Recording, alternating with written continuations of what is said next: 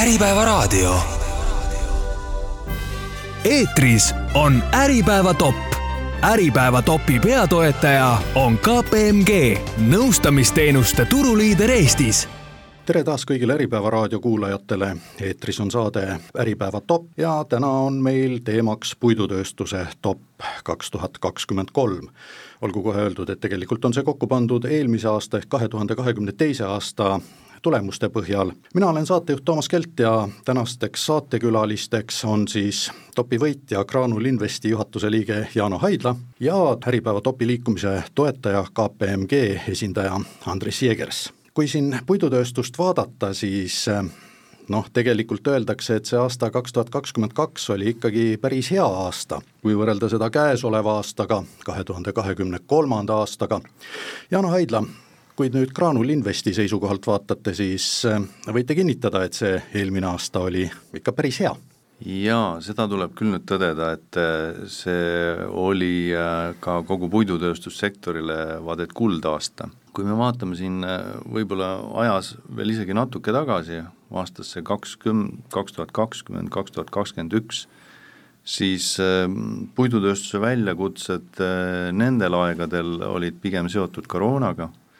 mis pani siis äh, ettevõtte organisatsioonid proovile, pani proovile ettevõtte digitaliseerituse, automatiseerituse, siis kaks tuhat kakskümmend kaks oli pigem selline aasta, mis äh, pani proovile sisendid. ehk puidutööstuse sisendmaterjalid, on need siis erinevad toorained ja ka energeetika kindlasti ja, ja eks selle kahekümne teisele aastale vajutas Pitseri äh, sõda Ukrainas, eks ole. aga positiivseks läks ta aasta teisel poolel, kus siis energiahinnad äh, tõusid, Euroopa turgudel oli justkui paanika, äh, sisendeid oli väga vaja ja sellega seoses oli ka kogu puidutööstussektor, kaasa arvatud Crown Invest, nagu sõiduvees, et, et turud läksid üles, hinnad tõusid, sisendid küll ka tõusid, aga, aga tulu oli sellest rohkem. No igalt poolt maailmast kostis neid sõnumeid või ütleme siis läänemaailmast, et energeetika hinnad on väga kõrged, energiakandjate hinnad, vaja on rohkem puiduenergiat, vaja on rohkem graanuleid, tundsite seda? jaa, seda oli tunda iga külje ja kandi pealt, et äh, eks see mm, energia ütleme, selline šokiseisund oli seal aasta teises pooles, kus maailm kartis energiakriisi ja kriisikartuses energiahinnad, kõik nad kasvasid, võtame siin gaas, nafta, põlevkivi, biomass, ja seoses nende energiahindade nii-öelda kasvuga, noh, kasvas ka meie võimalus äh, bioenergiat pakkuda. ja ma mäletan, ajakirjanduses muudkui ka jooksid pealkirjad läbi, et pelleti hind on saavutanud uue rekordi. jaa, täpselt, äh, selliseid numbreid ei ole isegi mina näinud ja nähtavasti me neid, neid enam ei näe ka. tahaksite näha eh,? See ei ole enam minu kätes et see on vist selline kahe otsaga asi täpselt aga Andris Eegers, mis siis majanduses juhtus, kui nüüd see suur osa, suur tõus hakkas lõppema? no eh, eks see suur inflatsioon ja, ja, ja noh, kui rääkida nüüd tegelikult nagu puidutööstusest, siis, eh, siis eks loomulikult, et äh, noh, üldse ma läheks ka natuke ajas tagasi, et ütleks, et et seda puidutööstust on võimalik tõenäoliselt kommenteerida või puidutööstuse tulemusi on võimalus kommenteerida ka nagu niimoodi, et noh, et kas minevikku või pigem olevikku ja tulevikku, noh mineviku numbrid on tõesti noh, need on siin igatepidi, need on nagu läbi käinud erinevatest statistikatest, et need on tegelikult olnud nagu head, et ma siinkohal tuletaks meelde, et puidutööstus on tegelikult ikkagi nautinud tõesti neid kuldaegu, et vaadates kas või kõikide äh,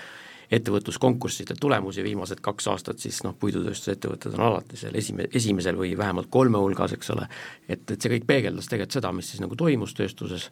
või sektoris tervikuna. aga noh, nüüd äh, loomulikult, et väga-väga äh, palju erinevaid asjaolusid, et et need äh, puidutööstusharud, kes sõltuvad nagu väga palju ekspordist, noh, nendel tegelikult läks eksportturgudel väga-väga keeruliseks, eelkõige Skandinaavia maades, seda me kõik teame, mis toimub nagu ehituses ja kinnisvaraarenduses nii lähiriikides, aga ka Eestis äh, väga paljud äh, noh, ehitusega seonduvad sektor ju tegelikult sa-, on saanud järjest pihta ja, ja see madalseis ju kestab, loomulikult inflatsioon, loomulikult äh, sisendite äh, kallinemine, intressitõusud, kõik, kõik see, mis äh, nagu majanduse nagu käekäiku tervikuna mõjutab. ja kui ma vaatan kas või selles konkurentsiraportis, mida ettevõtted nagu noh, hindavad oma järgmise kuue kuu väljavaadete osas, et siis, siis kõige suurem mure nagu ongi tegelikult seotud üldise majanduskeskkonnaga, et inflatsioon, ka valitsuse nagu majanduspoliitika noh, puudumine või või arusaamatu nagu, mis, mis täpselt see siis tulevikus nagu tähendab ja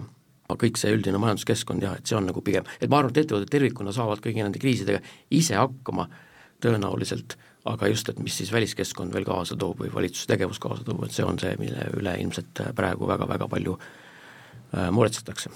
Jaan Haidla, kuna teie tundsite, et asjad hakkavad nagu raskemaks minema? oi, see tunne oli juba eelmise aasta lõpus käes, et äh,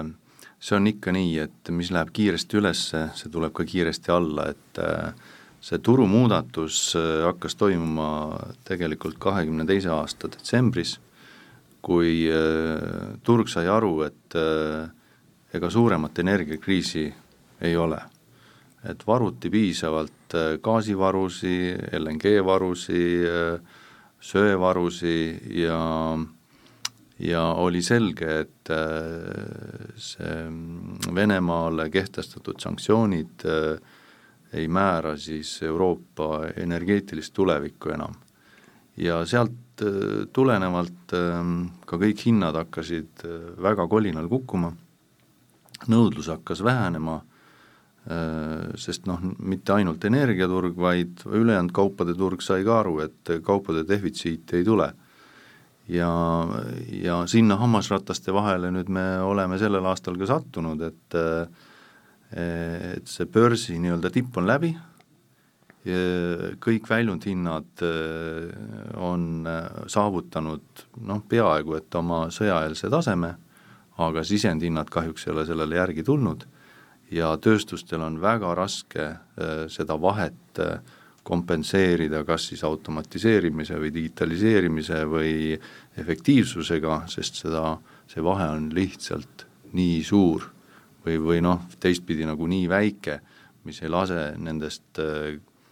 väga kõrgetest sisendhindadest enam äh, valmistada jätkusuutlikke tooteid äh, Euroopa turgudele. no kui mainisite siin sõna sanktsioonid, siis keskenduks korraks sellele,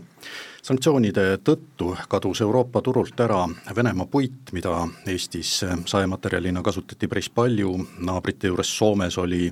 tohutult äh, kasepaberipuitu, osteti sisse energiapuitu, see tähendas ju seda, et äh, mingisugune osa toorainest jäi puudu ja see tuli kusagilt asendada. Jaa, tõsi ta on, et äh, Eesti ja, ja üldse kogu Baltikum oli oli pigem selline Venemaa ja Valgevene või ütleme siis lähimaade madala kvaliteedilise või siis madala hinnastatusega puittoodete ümbertöötlemiskeskus ka suurest osast. Ja, ja nüüdseks me oleme saa-, saa- või saavutanud Baltikumiga võib-olla sellise saare staatuse, sest kui me vaatame ümberringi, mis siin ümber Baltikumi toimub, siis meil ei tule kuskilt biomaterjali sisse või, või puidutooteid äh, sisse väljaspoolt väga. et võtame, Venemaa on meil, noh, vaatame geograafiliselt, eks ole, et Venemaa on meil kinni, äh, lõunapiiril on siis Valgevene, mis on kinni, ähm, edelas on justkui Poola, noh, justkui riik on olemas, aga, aga sealt Baltikum importi ei tee, sest Poola ise on suur importöörriik ja põhja pool on siis äh, Soome, Rootsi, Norra, kes on ka pigem importöörriigid kui et eksportöörriigid, nii et äh, kui me puitu vaatame väga suures mahus, siis, äh, siis sealt nii-öelda puittooteid jätkusuutliku hinnaga tuua Baltikumi poole, neid väärindada,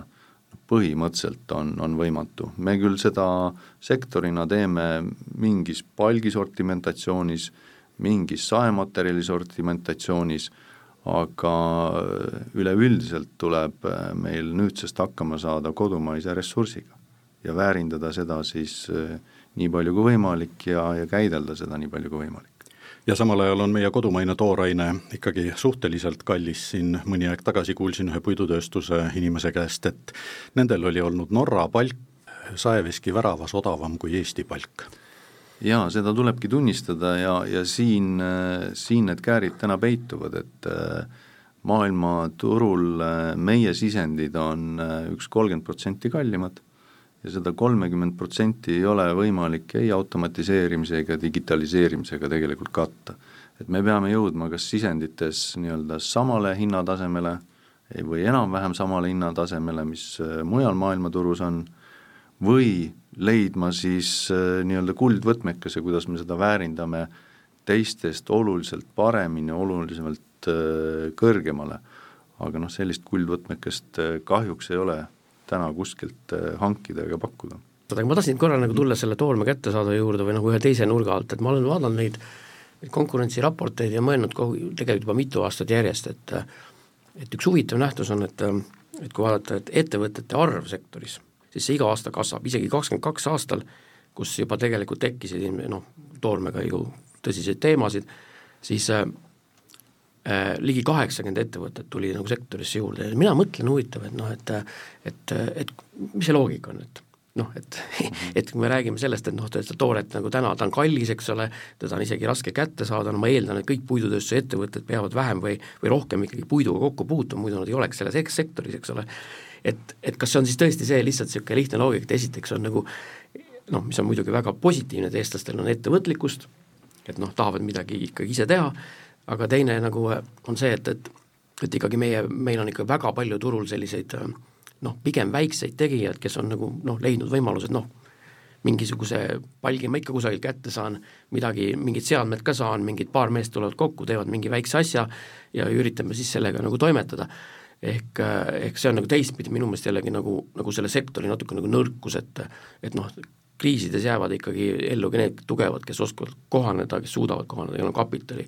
võimekust, tarkust, kõike kogemust, et et natuke nagu see, see no, mõte ma tahaks, et jääks kõlama täna, et mida ma tegelikult ütlesin ka puidutööstuse konverentsil paar aastat tagasi juba, et minu meelest see sektor peaks konsolideeruma oluliselt rohkem, kui ta siiamaani teinud. Ja mul on tegelikult väga hea meel, kui ma loen uudiseid aeg-ajalt, kuidas kas või näiteks siin, eks ole, teie hea konkurent Varmeston hiljuti siin tegi ühe soetuse ja et, et tegelikult mingi konsolideerimine turul toimub ka rasketel aegadel ja ma arvan, et see on väga vajalik tegelikult. jah, seda konsolideerumist toimub küll, aga kui vaadata nüüd äh, ka näiteks saeveskeid, mis äh, tegevuse on lõpetanud, siis äh, need on olnud pigem selliste suurte kontsernide Eesti harud.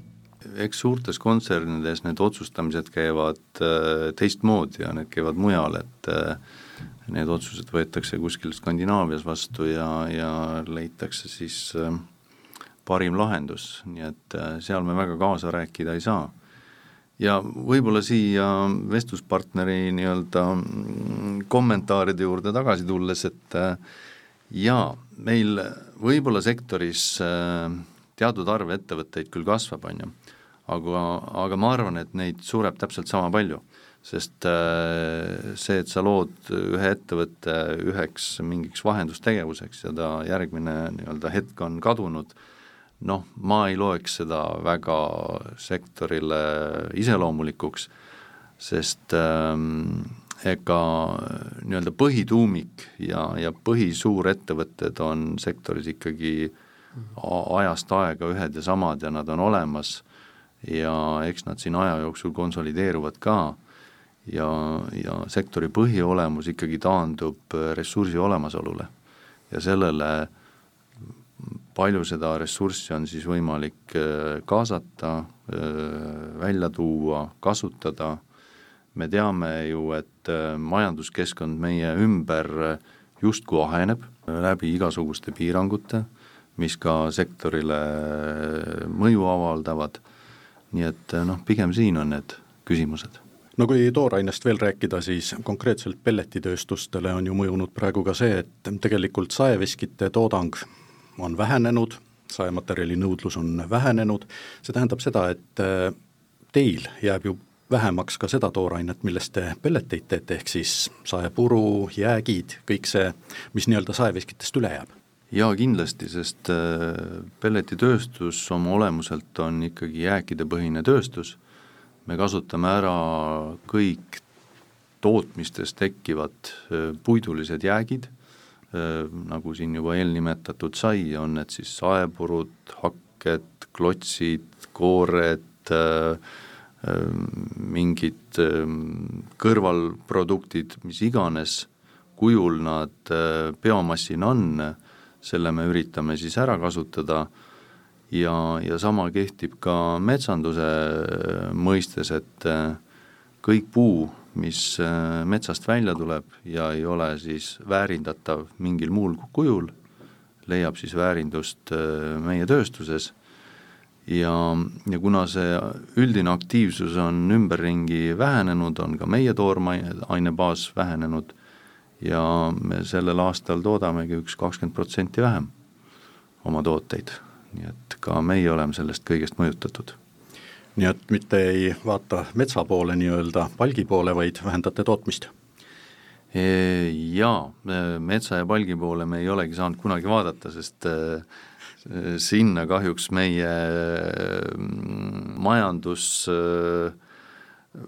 majanduslik võimekus ei, ei küüni, et me suudaks ka palgist midagi teha. ehkki sellest väga palju räägitakse räägitakse küll, aga ma arvan, et ähm, see on natuke nagu pettekujutus, et äh, puud vaadates inimene mõtleb äh, sõna peale palk ja, ja ta tegelikult ei saa aru, mis on nagu palgi olemus. palk on, palgiks me nimetame ikkagi seda puud, millest on võimalik teha jätkusuutlikke ja, ja, ja nii-öelda kõrgemalt väärindatud tooteid. aga iga puu, mis on ümmargune, tundub justkui palk, aga kui te, teda minna nii-öelda lähemalt vaatama, siis seal on kas mädanik, ta on kas äh, väga suurte kahjustustega, millest tõesti ei ole enam mitte midagi võimalik teha. ja, ja siis ta alles maandub meile sinna hoovi, hoovi ja, ja noh, mm, kui võtta ka äriloogiliselt, siis kes sooviks meie hoovi tuua väga-väga odava toote? ei, nad kõik ju sooviksid oma toote eest saada kõrgemat hinda, nii et äh, meie juurde ikkagi maandub see põhjakiht. Jah, nii-öelda pelletitööstuse õigustamiseks ma pean meelde tuletama, siin natuke aega tagasi rääkisime Eesti tooraine kõrgest hinnast. Et saepalki ei hakkaks keegi teile tooma? ei, absoluutselt mitte, absoluutselt mitte, nii et äh, pelletitööstus on lihtsalt äh, kogu puidutööstuse äh, sellise ringmajanduse üks osa, kus väärindatakse ära kõik see, mis mujale ei sobi nii et äh, loodusesse midagi tagasi ei lähe ja, ja ma ütleks, et puidutööstus on üldse üks ringmajanduse parimaid näiteid, kus äh, ressursist äh, võetakse välja maksimaalselt kõik see, mis seal ressursis on ja ei teki ka jäätmeid, et see on üks võib-olla parimaid näiteid. räägime nüüd natukene sellest nõudlusest ja toodetest ka, mida siin Eesti puidutööstused toodavad. et äh, väga palju on viimasel ajal juttu sellest, et nõudlus langeb. nõudlus langeb eelkõige selle tõttu, et ehitussektor langeb, inimesed ei taha ehitada enam. Andris Jeegers, miks see on niimoodi läinud? kõige suurem mõju tõenäoliselt on ikkagi sellel, et, et tegelikult noh, inflatsioon ja intresside tõus on teinud siin väga tugevalt oma töö, et tegelikult ega noh, ongi väga kallis, et noh, täna midagi hakata nagu soetama, renoveerima, Äh, remontima kodus, et noh, et inimesed, äh, see kindlustunne on nagu nii madalaks läinud inimestel, et äh, ja ka noh, võimekus tegelikult ikkagi on pihta saanud, et et siis ma pean silmas nagu rahaline võimekus. et et selle tõttu lükatakse neid asju lihtsalt edasi ja, ja, ja oodatakse nii-öelda nagu paremaid aegu või, või millal see tunne või kindlustunne nii-öelda nii-öelda taastub ja, ja võimekus ka taastub, aga aga kindlasti äh, ühel hetkel see natuke paremaks läheb, aga noh, vot siin on jällegi see, et koht, et kas nüüd tegelikult saaks ikkagi majandus, majanduses tervikuna ka nagu teha midagi selleks, et tegelikult elavdada seda Eesti, Eesti ehitus- ja kinnisvaraarendusturgu selles mõttes, et tegelikult see ei ole nagu ainult nagu ehitusettevõtete mure või kinnisvaraettevõtete mure, vaid see on tegelikult väga, väga tegelikult peaaegu nagu kogu meie ühiskonna mure tegelikult kokkuvõttes. et, et siin on küll, ma arvan, et valitsusel teatud hoovad või meetmed täiesti olemas kuidas seda teha saaks, aga noh, vot tahet on ilmselt praegu vähe, vähevõitu näha. aga see ei ole tegelikult ainult Eesti probleem, meie peamine puidutööstuste ekspordipartner Rootsi, seal on samamoodi langus, Soomest tulevad muudkui aga uudised, et ehitusfirmad lähevad järjest pankrotti, et see on nagu laiem teema tegelikult. Jaa, no absoluutselt. Ja, ja no Soome on üldse niisugune huvitav ühiskond, ma olen nagu, nagu mõelnud ja jälginud, et et nad on nagu, kas nad, nad on kogu aeg äärmustes, et nad on kas nagu üliõnnelikud, kõige õnnelikud inimesed maailmas mingites uuringutes, eks ole, või siis nad on kõige konservatiivsemad ühel hetkel absoluutselt enam ei tarbi, ei, ei soeta kortereid, noh kinnisvaraturg jäi sisuliselt seisma, noh ma ei tea, autosid ei osteta, mitte midagi ei tehta, et kõik on niimoodi nagu teki all ja ootavad nagu paremaid päevi. et selles mõttes hästi huvitav jälgida, jah ehk nagu Tõnu Mertsina ühel konverentsil ütles, et siis skandinaavlased noh, raha neil nagu iseenesest on juba kogutud siin aastakümnete jooksul, aga nüüd, kui hakkab tekkima kahtlus, et äh, olukord võib minna natukene raskemaks, siis ähm, nad ei hakka mitte oma varasid realiseerima, vaid äh, vastupidi, ootavad, lükkavad igasuguseid äh, kulutusi edasi. Jaa, absoluutselt jah, ega noh, ega täna ka Eestis me käitume ju sarnaselt, et ega kui võimalik, siis lükkame midagi edasi, eks ole eks ta nii ole, aga puidutööstuste jaoks tähendab see tõesti, nagu juba sai öeldud, nõudluse langust. ma ei tea, kas graanulitootja ka tunneb, et nõudlus on kukkunud? Jaa, ka meie turgudel on oluliselt äh, nõudlus kukkunud ja eks seal on äh, omad selged põhjused, et äh, muud energiakandjad on lihtsalt odavamad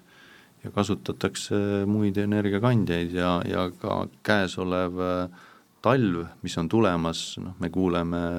igalt poolt uudiseid, et äh, Euroopas gaasilaod on täis, äh, LNG-laevad ootavad äh, tühjaks laadimist,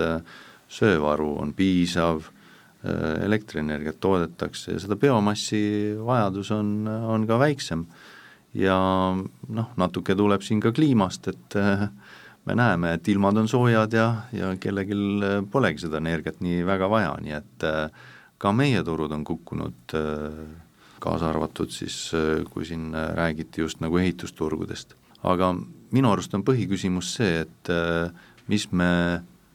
oma majanduses ja ühiskonnas saame ära teha, et olla siis konkurentsivõimelised, kas siis Euroopa turgudel või siis oma, oma siseturgudel kuidagi elavdada kas siis või puidukasutust, on ju. ja, ja Euroopa turgudel, et olla äh, kuidagi konkurentsivõimeline, see tähendab, et äh, tuleb ikkagi oma sisendid ka viia konkurentsivõimeliseks ja, ja, ja, ja vaadata, mida naabrid teevad, mille poolest äh, naabrid äh, meist siis paremad on, mis on nendel nii-öelda ühiskonnas, millised tingimused on neil siis nagu etemad kui meil ja selle üle tuleks siis mõelda, et kuidas neid tingimusi võrdsustada. ja samas koduturgudel ähm, siin just sai räägitud, et kuidas äh, võib-olla rasketel aegadel tuleks pigem tarbimist initsieerida ja initsieerida seda ta-, targalt. et me võiksime rääkida siin renoveerimisest näiteks, eks ole, puiduga renoveerimisest, on need siis paneelmajad, mi-, mi-, mis meil vajavad tegelikult pikas perspektiivis renoveerimist, sealt tuleb meil energia kokkuhoid, et äh, kõik sellised äh, initsieerimised tuleks just halval ajal ära kasutada puitmajaliidu esindajad on rääkinud juba tükk aega, et äh, tuleb seda renoveerimist suurendada, tuleb sellele suunata rohkem ressursse. Äh, räägivad, räägivad, aga tulemust nagu väga näha ei ole. noh, küsimus ju on selles, et äh, kes meil majandusarengu eest siis seisab, et kas MKM-il on, on seda sisu? kuidas teile tundub, seisab keegi selle majandusarengu eest? No mulle täna isiklikult tundub, et äh, ega tööstusarengu eest äh, väga ei seista. Ja just äh, noh, mina võtan näitena tänast puidutööstust, siis vaadates MKM-i nii-öelda osakondi ja, ja inimesi, siis mina küll ei tea seal inimest, kes seisaks puidutööstuse nii-öelda heaolu eest samas puidutööstus äh, toob Eesti ühiskonnale kümme protsenti SKP-st ja, ja kes siis selle tööstusharu arengu eest seisab? ma ei tea ühtegi inimest. jah, ma lisaks veel, et äh, minu arust nagu puidutööstuse olukord on võib-olla veel kõige, kõige keerulisem selles mõttes, et äh, et noh, lihtsalt selle puidu ümber toimuv sõda või noh, kogu aeg nagu nii-öelda nagu väga, väga emotsionaalne diskussioon, et raiemahud ja, ja looduskaitse ja nii edasi, et noh, see viib ikkagi nagu tegelikult noh, ka nagu äh, ka need otsustajad nagu mõnes mõttes niisugusesse kahvlisse, et noh, neil on nagu väga raske nagu tõenäoliselt just puidusektorile vastu tulles teha selliseid otsuseid, mis on nagu rahva hulgas väga ebapopulaarsed, et et ma ühest küljest nagu mõistan neid, aga ma absoluutselt ei kiida heaks, et mitte midagi ei tehta. et ma arvan ka, et siin on tegelikult nagu vaja vaja meie väga tugevat puidutööstust tegelikult nagu tõsiselt nagu aidata ja siin ei tohiks nagu kuidagi nagu minu meelest nagu häbeneda või öelda, et noh, et see on midagi nagu halb, kui me teeme mingi sektorile mingisuguseid soodustusi või eelis, eelistusi, et kogu Euroopa sellega tegeleb, et miks me, miks me peame nagu, nagu meie oma tugevusi tegelikult nagu, nagu ära unustama sisuliselt, et et mina seda ka nagu ei mõista hästi, et ega ma tegelikult isiklikult väga aru pole saanudki, et puidutööstus tahaks mingisuguseid erisusi, eelistusi, pigem on see, et noh, mida aastaid on juba räägitud, on see, et oleks meil teada ette stabiilselt, missugune on see puidu kogus, mis äh, tuleb ja et seda ei hakataks niimoodi hoogtöö korras kogu aeg vähendama. Jaa, noh ma arvan, et see probleemistik ise tulebki tegelikult kaugemalt, et äh, see tuleb, ma arvan, riigi tööstuspoliitikast. noh, mina küsiks, et millist tööstuspoliitikat siis riik ajab, et riigil on teatud ressursid on need siis maa-alused ressursid või maapealsed ressursid, on ju. kui me täna vaatame maapealseid ressursse, siis äh, sellest ressursist üks on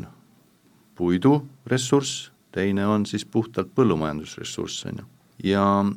ja kui me tahame kuidagigi öelda, et jah, meil on puidutööstuspoliitika, siis me peaksime selle ressursi haldamise ja vajalikkusega tegelema, on ju. Täna paraku tuleb välja niimoodi, et ähm, selle puiduressursi olemusega tegeleb äh, Kliimaministeerium, kes, äh, kelle, ma arvan, niisugune põhitees on see, et äh, tööstus peab ära mahtuma looduse nii-öelda rüppesse, eks ole,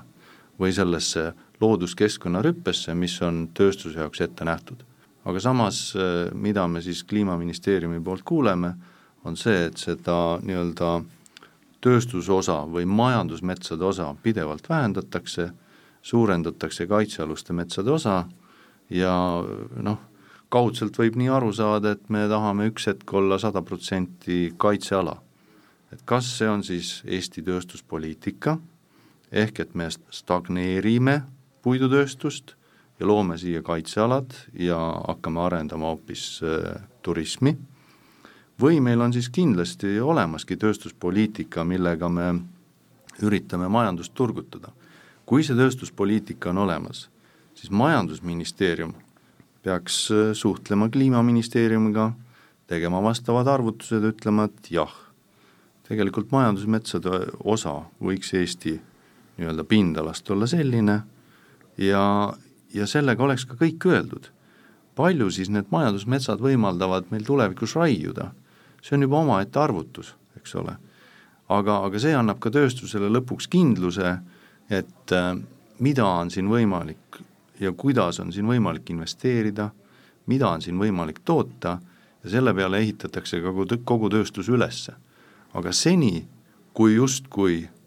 majandusministeeriumis ei ole isegi osakonda, rääkimata inimesest, kes seisaks hea puidutööstuse nii-öelda käekäigu eest, on me, oleme me justkui äh, rääkinud ainult loosungitest, et me, meil on tööstus väga tähtis. täna ma ei näe, et see tööstus oleks tähtis.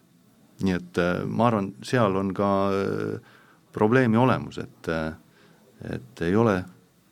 ei ole puidutööstuspoliitikat üleriiklikku. ei ole ka metsanduse arengukava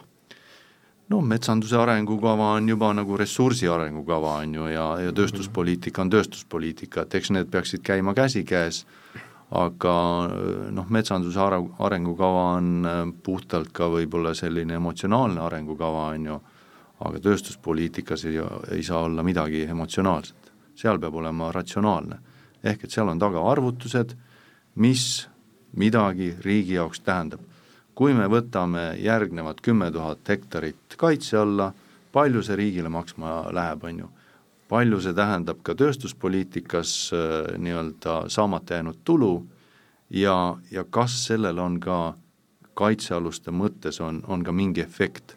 Ja kas tõesti meil peab olema Eestis üle kolmekümne protsendi juba kaitsealuseid äh, metsasid ja maid. ehk et paneks selle piiri nagu kuidagi paika ja ütleks, et nüüd me oleme siin ja, ja siit me saame oma poliitikat tegema hakata. aga ma ei näe neid eh, nii-öelda säravaid persoone, kes julgeksid seda teemat üldse puudutada küll aga kõlab järjest sõnumeid, et rohepööre, see toob õnne meie õuele ja paneb majanduse õitsema. jaa, noh, no kuidas seda nüüd piltlikult öelda, et noh, võib-olla põllumajandusliku näite põhjal, et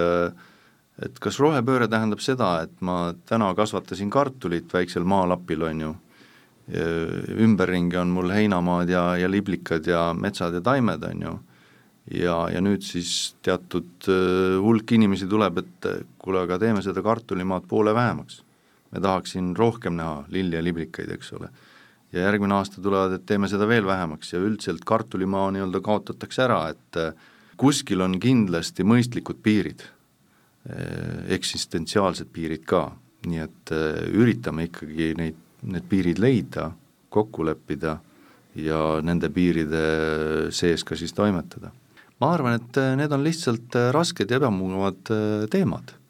et populistlikud teemad on ju hulga lihtsamad ja, ja nendega on lihtsam ka hääli püüda ja, ja ma arvan, see põhjus ongi seal, et raskete teemadega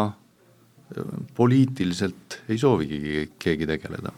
ja ma arvan ka, et, et noh, selleks peab nagu ise nagu poliitik olema ilmselt, et mõista, mis seal poliitiku peas nagu toimub, et noh, et tegelikult see on nagu, nagu teistsugune maailm, et nad ei mõtle nagu nii, nagu äh, ettevõtjad mõtlevad, et äh, ja nad ei noh, ma arvan, et ei saagi väga mõelda niimoodi, et kahjuks. et äh, noh, mina ei ole poliitik ja ma ei oska nagu öelda, mis, mis mu peas nagu toimuks siis, kui ma oleksin poliitik, aga ma arvan, ma oleks teistsugune inimene oma, oma, oma käitumuselt natuke. aga puhtalt niimoodi ratsionaalselt vaadates äh, tegelikult ju maksutõusud ei ole ka ju kuigi populaarsed, aga kui me tööstuse poliitikaga, tööstuse arenguga ei tegele, siis, äh, siis ongi tulemuseks see, et noh, mitte ainult sellepärast, aga üheks põhjuseks on see, et tööstust nagu arendatud ei ole. me ei tea isegi, missugust tööstust me tahame. ja noh, pikaajalises perspektiivis on äh, vaja sissetulekuid, et neid makse me võime siseriiklikult tõsta ja, ja nii-öelda riigi rahakotti täita, eks ole, aga kuskilt peab see raha tulema ja see raha peab tulema väljastpoolt, ehk äh, riik peab eksporti tegema. riigis peab olema pikaajaline tugev eksport. eksporti teevad ikkagi tööstused ja, ja nii-öelda väärindamine ja, ja sinna tuleb panustada. see siseriiklikult raha ümberjagamine noh, see üks hetk lõpeb ära, sellepärast et ei ole lihtsalt enam midagi ümber jagada. ja, ja pigem siseriiklikult tuleb vaadata, et eh, kas me väikse riigina kõiki oma asju teeme ka efektiivselt või me kulutame raha ka selliste in-, inglise keeles on selle kohta väljend nice to have asjade peale, et, et tore on omada neid asju, aga paljuski neid väikse riigina võib-olla kõiki korraga ei saa endale lubada, vaid tuleb vaadata, mida sa lubada saad oma sissetuleku põhjal. jah, ma ka väga toetaks seda mõtet, et noh, Eesti riik saab ikkagi rikkamaks äh, läbi ekspordi, et siin hiljuti mõned ettevõtjad on sel teemal nagu ka Äripäevas siin kirjutanud ja, ja arvamusi avaldanud, et et, et kuidagi, kuidagi ikkagi minu meelest ei mõisteta nagu piisavalt seda, et tegelikult raha juurde tuleb ikkagi läbi ekspordi ja kui me seda eksporti äh, ei soosi või ei arenda ja, ja konkurentsivõime, noh pikaaegse sellise konkurentsivõime säilitamise, parandamisega ei tegele, noh siis tegelikult seda eksporti pigem jääb vähemaks ja see on väga-väga suur probleem. eriti suur probleem on see praegu, kus kohal majanduslangus on üleilmne, et eh, kui juba majanduse tulemustest või noh, majanduse sellisest eh, laiemast käekäigust rääkisime, siis vaataks korraks veel selle aasta peale ka, et mida ennustate puidutööstustele, kas eh, puidutööstuse top kaks tuhat kakskümmend neli, see on samasugune nagu praegu või toimuvad seal mingisugused muutused, Graanul Invest on meil topi eesotsas olnud selline kindel nagu raudnael, mis te järgmiseks aastaks ennustate? noh, võib-olla punase laterna nii-öelda positsioonist äkki ikkagi pääseme ja oleme seal tagumise kolmandiku äh, hulgas, äh, aga kindlasti mitte, mitte esimeses otsas, sest äh, aasta on tõesti kogu sektorile raske ja nähtavasti äh, ellu jäävad siin tugevamad, nii et äh, tuleb väga pühendada äh, nii-öelda selle aasta kordaminekutele, et siit üldse läbi tulla? jaa, et äh, ma usun, et järgmise aasta numbreid vaadates, aasta pärast me näeme, et see teekond on olnud okkaline ja pindu täis, et loomulikult me noh, seal on, ootus on, et, et on, käibed on selgelt nagu kahanenud, vähemalt enamus sellistes äh, allharudes, sektori allharudes ja, ja kasumlikkus on loomulikult muidugi kõvasti pihta saanud, et aga noh, et äh, mitte nüüd nii väga pessimistlik olla, siis ma ikkagi tahaks nagu lisada seda, et et tegelikult puidutööstus on nagu näidanud juba pikka aega, ütleme, kui vaadates isegi ma olen ühte uuringut näinud, kus on nagu sellist viisteist aastat nagu vaadatud, et et noh, tegelikult on see ikkagi sektor, kes on äh, kõikidest kriisidest ikkagi päris hästi välja tulnud, et ja mina usun, et ka Eesti puidutööstus suudab ka sellest välja tulla. kahtlemata, et, et, et lihtsalt on jah, vahepeal natukene või noh, päris palju raskemad ajad, aga aga ettevõtted on oluliselt tugevamad, kui olid nagu viimase kriisi ajal, noh hästi kapitaliseeritud, noh automatiseerimisest, sellest on ka palju räägitud, aga aga ikkagi, et et, et kindlasti äh, see kohanemisvõime sektoril on nagu, nagu, nagu väga hea, et ja mina usun sellesse ka jätkuvalt. loodame loodame, et järgmise aasta puidutööstuse top laias laastus on enam-vähem samasugune, et kellel on läinud paremini, läheb ka edaspidi paremini. eks seal muidugi konkreetsed numbrid juba, neid näeme aasta pärast. aga selline oli siis tänane saade Äripäeva top ja tänan saatekülalisi Graanul Investi juhatuse liiget Jana Haidlat ja Äripäeva topi liikumise toetaja KPMG esindajat Andrei Seegressit. mina olen Toomas Kelt ja kohtume taas